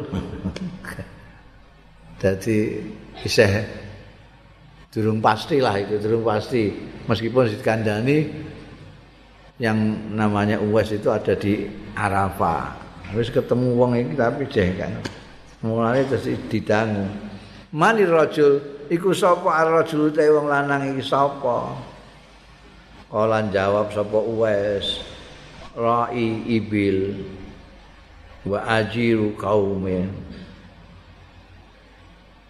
Kula niki cangon pangon unta. Ra'i ibil. Kula niki pangon unta. Wa ajiru kaumin. Lan buroe tiang-tiang kaum kula. Kula. Kula dibayari. Kenangon ontane Kala ngendika sapa Sayyidina Umar mbek Sayyidina Ali, laisa nas'aluka anil riaya. Ora ana nas'aluka iku takon kita ing sira anil riayati saking angon wala anil ijarati lan ora saking buruh-buruhan. Tak takokno iku masmuka. iku sapa ismuka utahe jeneng sampean iku sapa ora kok takok kowe iku angon apa buroe sapa Kala jawab sapa? Wis Abdullah. Kula Abdullah. Kawulane Gusti Allah. Kala ngendika sapa Umar bin Sayyidina Ali? Kot alimna aku ngerti nek iku. Teman-teman ngerti kita anak ahlas samawati wal arti setuhune penduduk langit bumi kuluhum sekabiane iku abidullah. Kawula-kawulane Gusti Allah kabeh maksudku famas muka iku sapa ismuka utahe jenengira alladzi samat kabi umuk. Sing jenakno ing sira bi kelawan ladzi sapa ummuka mbokmu. Jeneng sing diwae mbokmu ku lho sing tak takokno iku. Mbokmu ngai jeneng kowe apa? Kala jawab sapa wes iki ya hadzani apa gak ngerti nek iki? Eh tokoh-tokoh besar apa ya? Hadzani he wong loro maturidani. Jane apa sih? Ing apa turidani ngarepake sampean sekloron iki ilaiya marang ingsun? Kala ngendika sapa sahabat Umar sahabat Ali wasofalana Muhammadun sallallahu alaihi wasallam. Nyiwa nyifati marang kita sapa Muhammad sallallahu alaihi wasallam Uwaisan Al-Qarani. Nyipati wong sing jenenge Uwais Al-Qarani. Fakot arafna monggo teman-teman nitik sapa kita, ngerti sapa kita as-suhubah. Eh, rambut pirang roh, wasuhulah lan meripat sing kehijo-hijoan. Aku wis ketok iku. Oh, rambutmu ambek meripatmu ini sesuai dengan sifat yang diberikan oleh Rasulullah sallallahu alaihi wasallam. Saiki fa akhbirna mongko ngandhanana sira ing kita anna tahta mangki bikal aisar ana ing ngisore apa? Undak ira sing kiwa. Lam atan ana mengkilap beda sing putih. Fa'audih lana. Mongko jelasno sira lana marang kita.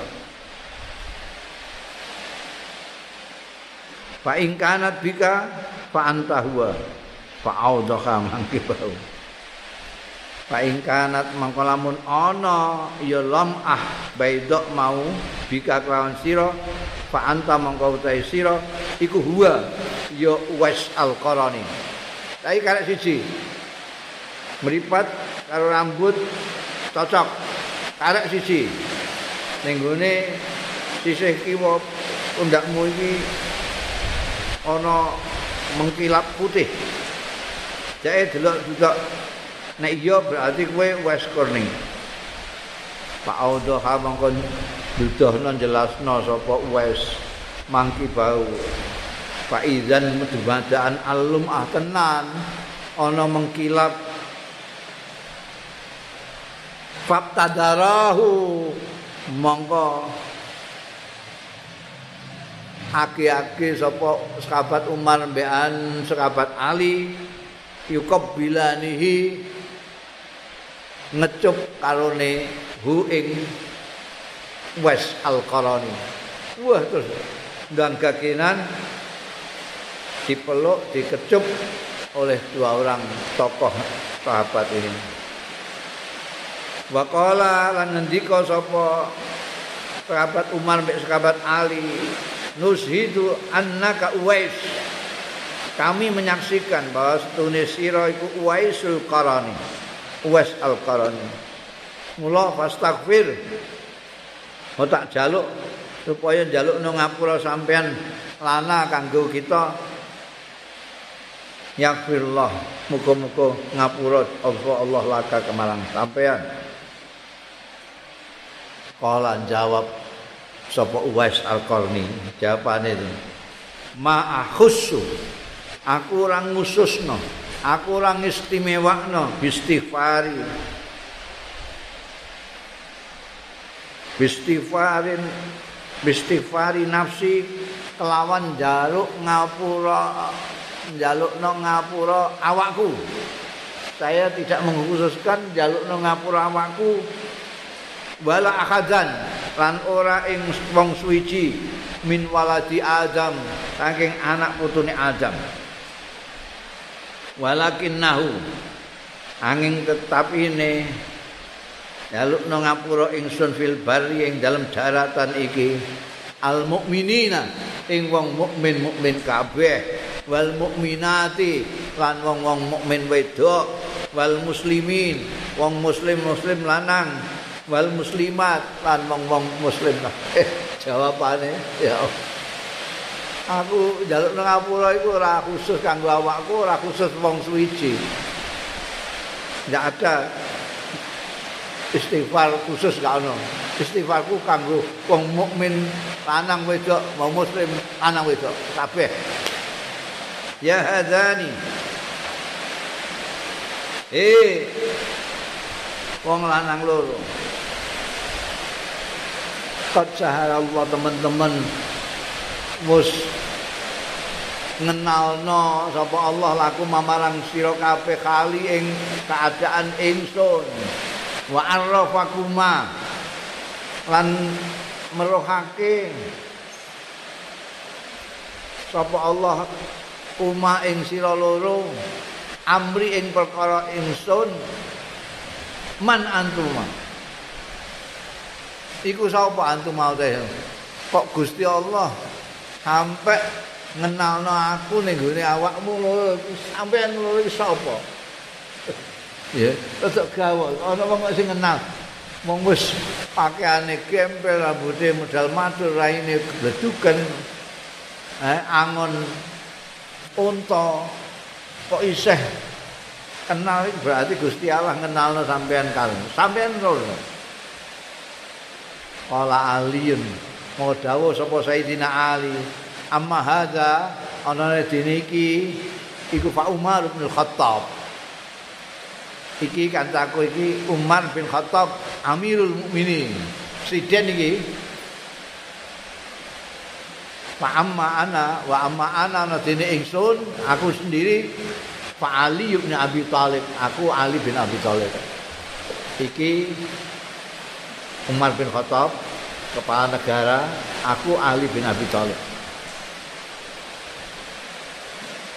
Pastawa. Monggo jejeg siap. Sapa uwaisun uwais kok iman Khalid jumeneng? Ngadeg terus. Siap. Faqala assalamu alayka ya amiral mu'minin wa rahmatullahi wa barakatuh. Jadi banyak enggak kenal, eh? Akhir kenal dikenal Sayyidina Ali. Assalamu alayka ya amiral mu'minin wa rahmatullahi wa barakatuh. Wa anta ya ibn Abi Talib. fajazakumullah muga-muga males ing sampean kekalih sapa Allah Gusti Allah an hadzil ummah saking niki umat khairan ing bagus jenengan berdua jasanya besar sekali terhadap umat ini mudah-mudahan Allah membalas kalian berdua. Kala ngendika sapa sekabat Umar mek sekabat Ali wa anta fajazakallahu an nafsika khairan. Kan sampean juga fajazakallah muga-muga ganjar ing sampean sama Allah Gusti Allah an nafsika saing awak dhewe panjenengan khairan ing bagus kala ngendika sapa Umar. Ngendika sapa sahabat Umar maka anak sampean tengok-tengok ning kene. Yarhamkallah muga-muga ngrahmati ing sampean sapa Allah Gusti Allah. Hatta nadkhula Makkah. Itu kan nggone Arafah. Sampean aja lunga-lunga ning kene ae. Hatta tadkhula apa nadkhula? Hah? Tak apa nun? Hah? Hamzah. Atula berarti. Iku berarti saya harus Kowe tengok-tengok kene kata nek kene takula, takula kamu. Sing bener iki atkula, sampai nek gak atkula ya natkula lah. Aku dengan Ali bin Abi Thalib. Nek tatkula kan uesnya yang diomongi ues kok. Jadi maca kitab nganggo mikir barang ngono. Jadi makanaka, kowe tok teng kene, sampean tok kene ae. Hatta nadkhula utawa hatta adkhula sehingga aku mlebu Makkah. Tangko aku tak ning Mekah. Kowe enteni ning kene, aku tak mlebu Mekah. Lajeng napa? Fa'atika. Engko aku nekani kowe meneh. Fa'atika mengko nekani sapa ingsun ning sira binafaqatin kelawan nafaqah min ata'in saking peparing wa fadlin lan anugrah hadiah wafat kiswah min siabin berupa kiswatin min siabin pakaian min siabin saking siap siap ya pakaian dodot kiswah itu penganggu ya penganggu min siapin saking pakaian-pakaian Hadal makan, utai kene iki panggonan kene iki sandi wit-witan iki. Iku mi'adun baini wa baini. Panggonan perjanjian antarane ingsun wa baini kalan antarane sam. Kowe ning kene ae tengok-tengok sampean ya. Aja lunga-lunga. Aku tak ning Mekah sik, engko tak bali ning ketemu sampean nggawa nafkah embean pakaian. Kita janjian sini, kowe aja lunga-lunga. Kene ketemu neh ning kene. Baqala angka ndika sapa Uwais ya Amirul Mukminin Duh Amirul Mukminin lami ada ora ana tempat perjanjian baini tempat atau waktu perjanjian baini antarane kula wa baini kala antarane jenengan. Wala araka kan boten lajeng ketemu kula mboten lajeng ningali kula ing jenengan ba'dal yaum sawise niki. Pun niki mun konangan nggih pun niki tok bar niki mboten lajeng ketemu malih kaya sampean. Hmm. ma bin nafaqah terus gino apa kok oh eh? iki bedane wes karo kowe men Wes janjeni mesti kaya nafaqah ma asna'u bin nafaqah ing apa asna'u ndamel kula bin nafaqati napa nafaqah itu ajeng kula nggih damel napa? Wong kula mboten butuh napa-napa. Lha nek kula butuh rokok dikai rokok pantes. Kula butuh duit dikai duit kula butuh sego dikai sego kula mboten butuh napa-napa. Sampe dikai napa? Nggih napa kula ma asna'u bil kiswah. Ing apa asnaung damel kula bil kiswati kelawan pakaian? Penganggu nggih napa? Lho, amatara napa jenengan mboten ningali? Ala izarin ing atase izar kula niki. Min supin lho niki. Saking wulu. Wari waridain ridak kula niki min supin. Mata taroni kapan ningali jenengan ing kula? Ukhrikuhuma bolongi ngobong kula ing terus eh tenggine awak kula niki pakaian kula niki. Dereng kula obong kok sampean ajeng sampean paringi pakaian iki napa ning pakaian terus toh itu amatara ana ta mboten ningali jenengan. Anak-anak lisune sandal kula niki terompah kula niki masufatani tambalan karo niki mata tarani ubliyahuma. Kapan ublihum ningali jenengan ngrusak kula ing nakli maksufatan iki ana naklaya ngono aja nakli maksufatan soalnya an sandal iku sepasang ora mok sitok. Nek nakli mok sepisah mok sitok tok. Ana naklaya mahsufatani tembelan karone. Mata taroni kapan? Ublihima. Ngrusak kula ing naklaya terus utuh. Senajan tembelan dereng rusak Amatara ana ta mboten pirsa jenengan? Ani sedune kula kot akhir tu teman-teman ngalap kula min riayati saking angon kula niki. Mendet arba'ata darahim patang dirham pun cukup. Kula niku angon wedhus dibayar patang dirham. Mata tarani aku luha. Kapan jenengan mirsani kula? Aku luha. Ndak dahar kula mangan kula ing arba'at darahim ya amiral mukminin. Inna baina yadayya setuhune itu antarane tangan kalih kula.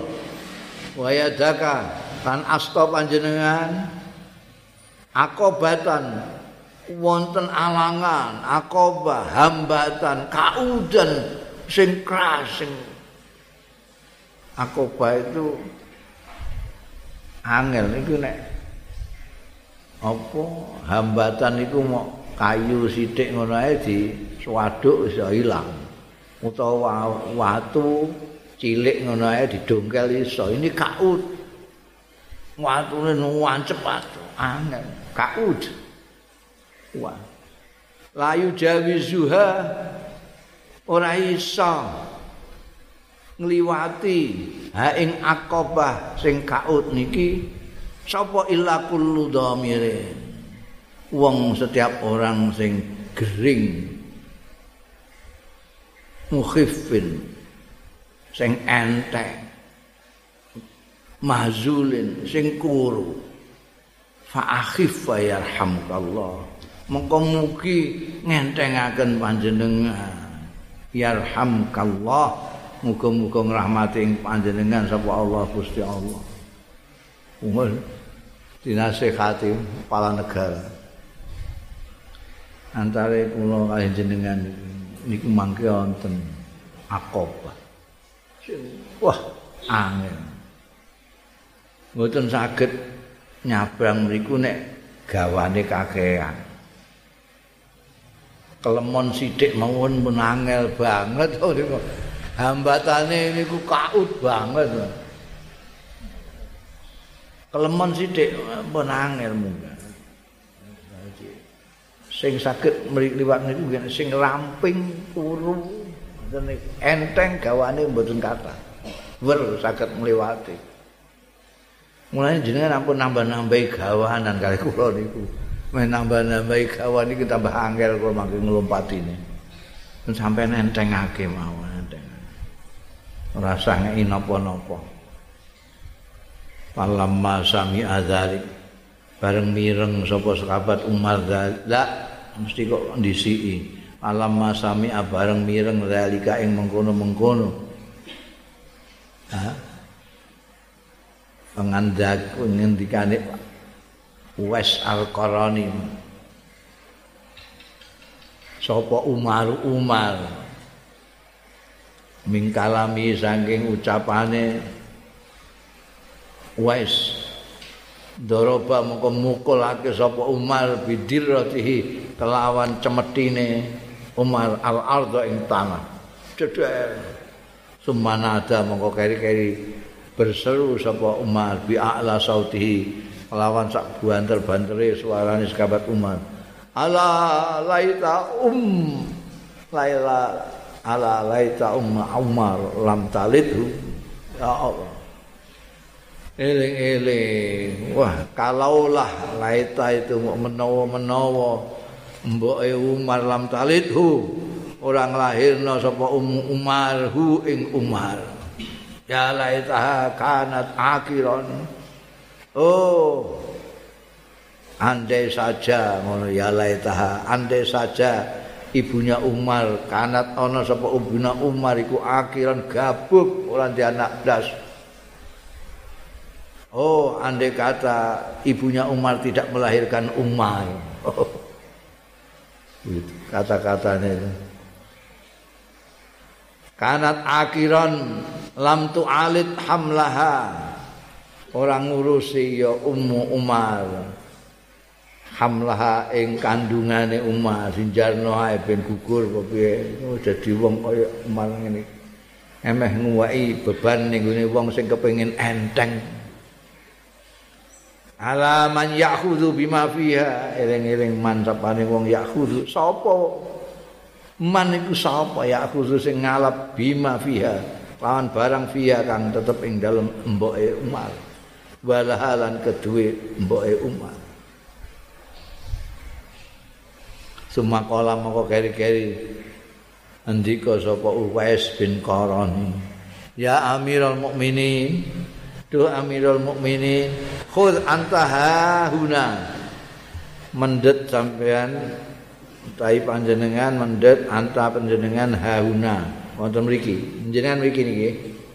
Kata akhudhu ana hauna kula tak mendhet anak kula hauna mriku jenengan niki dalan niki mangke nang mriku kula tak mriku muni ngono terus fawalla Umar nakhiyata Makkah. Monggo terus Ninggok sapa Umar sahabat Umar nakhiyata Makkah menuju ke arah Mekah wasako lan giring sapa Uwais ibilahu ing ontane Uwais. Wawafa mongko metu ya Uwais al qauma ing kaum biha.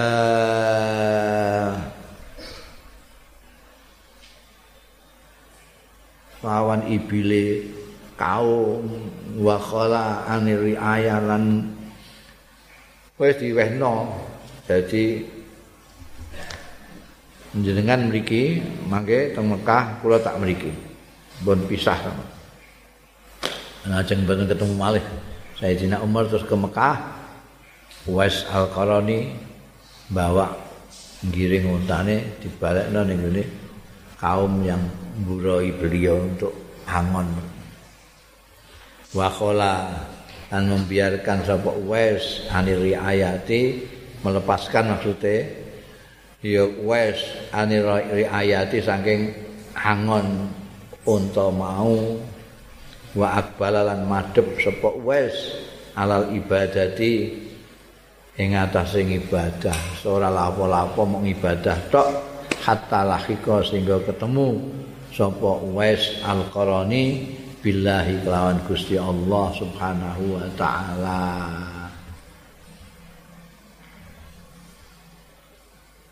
Ruya dan diwatake apa? Kisah tu Uwaisin. Kisah Uwais min ghairi wajin saking tanpa mok ini saja. Bukan hanya dari sisi ini saja diceritakan. Tapi wahadal waju utawi iki sisi jadi banyak riwayat-riwayat banyak sudut pandang kisah-kisah tentang Uwais ini. Tapi hadal waju utawi iki sudut iki wajah iku min atammihi saking sempurna-sempurnane kisah wes atammihi saking sempurna-sempurnane wajah meskipun banyak wajah tapi wajah ini yang paling sempurna. Wa aghrabi lan paling eh, ajaib ajaib bang. Aneh muantek detail gitu cerita sekabat Umar mbek sekabat Ali ketemu karo pertemuannya karo. Ada juga versi-versi yang lain lah ghairu wajin bukan versi ini saja tapi versi ini yang paling sempurna paling lengkap dan paling aneh Ruya asbu Wallahu alam